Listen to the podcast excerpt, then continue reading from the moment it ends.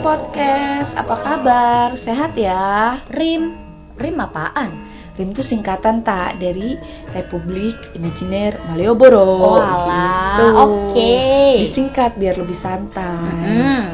Nah teman-teman masih barengan kita berdua di sini ada Ani Dan aku Ita, halo. Nah sesuai janji kita kita bakal bahas tentang tari putra kan. Iya betul. Nah, tapi kayaknya penting deh buat kita tahu apa bedanya tari putra dan tari putri. Jelasin dong, Tak. Oke, jadi episode pertama kita sudah bahas tari putri ya. Heeh. Aku cerita dikit nih, bedanya tari putra dan putri itu apa? Bedanya ada pada gerak kaki. Hmm. Dalam tari putra itu ada gagahan dan Mhm. alusan. Kalau gagahan, gerak kaki lebih tinggi, sedangkan alusan gerak kaki lebih rendah. Eh, eh iya, kamu tuh suka beksan laung kan ya? Iya, aku suka beksan lawung, Tak. Oh ya bentar deh, teman-teman kalau dalam bahasa Jawa beksan itu artinya tari ya. Mm-mm. Nah, beksan laung itu adalah salah satu tari putra. Terus kenapa kamu bisa suka beksan laung? Em, aku suka beksan lawung tuh karena cerita di baliknya, Tak.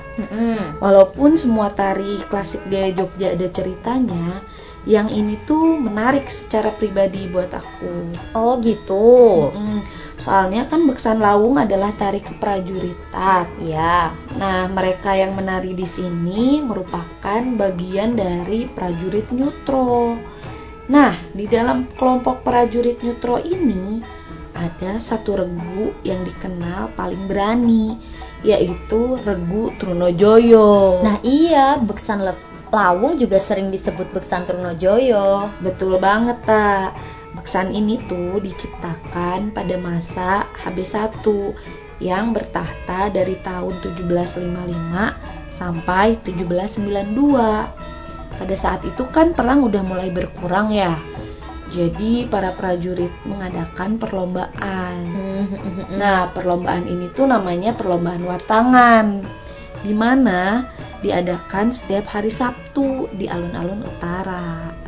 Dalam lomba ini nantinya prajurit akan menunggang kuda dan membawa senjata yang bernama lawung. Oke. Nah, lawung ini tak bentuknya tongkat panjang kurang lebih kayak 3 meteran gitu Mm-mm. yang ujungnya tumpul. Senjata ini nantinya digunakan untuk menjatuhkan lawan dari kuda. Yang bisa berhasil menjatuhkan lawannya, dia yang jadi pemenang. Hmm. Dari sini kan tak inspirasi beksan lawung tuh. Iya benar. Tapi coba deh kamu perhatiin.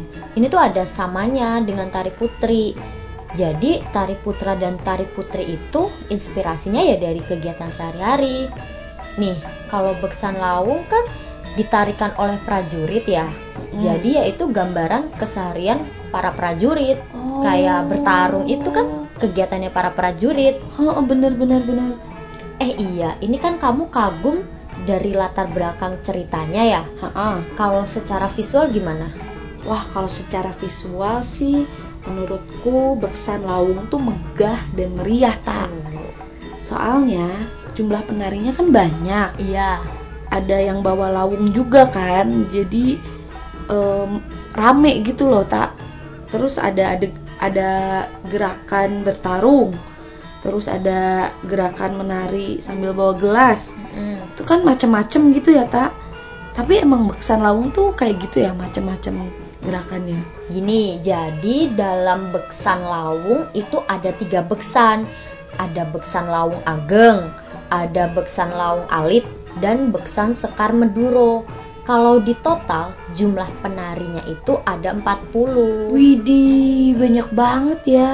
Iya banyak. Itu tuh aku ngerasa penarinya tuh ada perannya gitu nggak sih tak?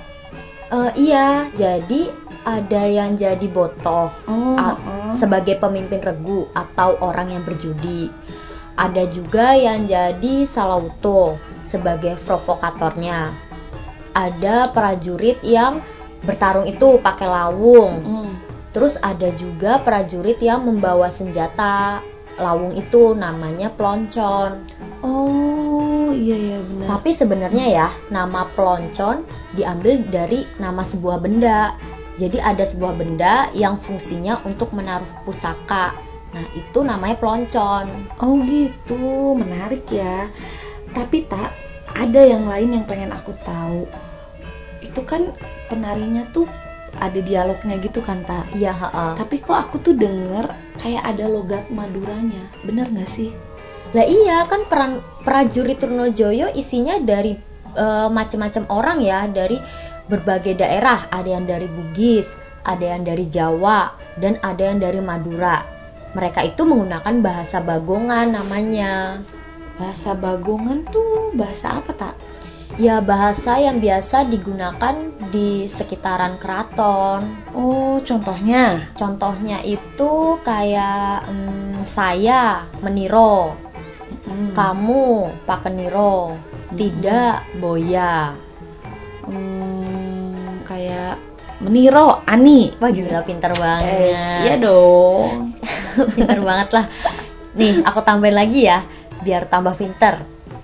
Tarian yang kamu suka itu tari sebuah tari yang terhormat sebenarnya. Karena Beksan Laung mewakili Sultan di kepatihan saat pernikahan anaknya. Oh, emang Sultan gak datang tak? Sultan tuh emang nggak boleh dateng, makanya para penari diperlakukan secara terhormat. Jadi e, mereka kan ceritanya mewakili Sultan ya. Heeh. Jadi mereka tuh arak-arakan dari keraton menuju kepatihan. Mm-mm. Penarinya itu naik kuda, terus dipayungi, terus senjatanya dibawain. Mm-mm. Terhormat deh pokoknya. Oh, aku baru tahu sih ta soal yang Beksan Lawung tuh tari terhormat karena kan eh, dalam gerakannya nggak menunjukkan cerita ini kan tak? Iya itu memang ada cerita di balik Beksan Lawung. Oh, pantes nggak salah nih kayaknya aku milih Beksan Lawung sebagai tari favoritku. Favorit. Iyalah, soalnya gimana ya tak? Aku tuh waktu nonton Beksan Lawung 30 menit tuh rasanya nggak cukup kayak pengennya diulang-ulang gitu. eh tapi ya kalau misalnya lengkap itu bisa sampai 5 jam loh. 5 jam. Iya 5 jam. Kalau 5 jam itu tuh gimana tak penarinya? Ya nggak gimana-gimana. Jadi kan penari itu mereka sebelumnya latihan nari dulu ya. Mereka ada latihan rutin. Dan mereka sebagai penari itu harus punya disiplin. Selain itu, mereka juga harus menguasai teknik gerak. Tapi gimana ya, kalau teknik gerak aja itu nggak cukup, mereka harus punya rosol. Rosso dalam tari tuh maksudnya kayak gimana sih tak? Ya, tari Jawa itu kan punya filosofinya sendiri ya. Joget Mataram itu punya filosofinya sendiri. Hmm, gimana kalau dibahas di episode selanjutnya aja, biar Wah. lebih mendalam. Oke tuh tak, ide bagus. Kayaknya buat episode 3 berarti udah ada ya kita bakal Iya, bahas tentang apa? Filosofi joget Mataram ya. Wah, nah teman-teman berarti udah tahu nih bocorannya udah kita kasih tahu lagi. Iya, betul.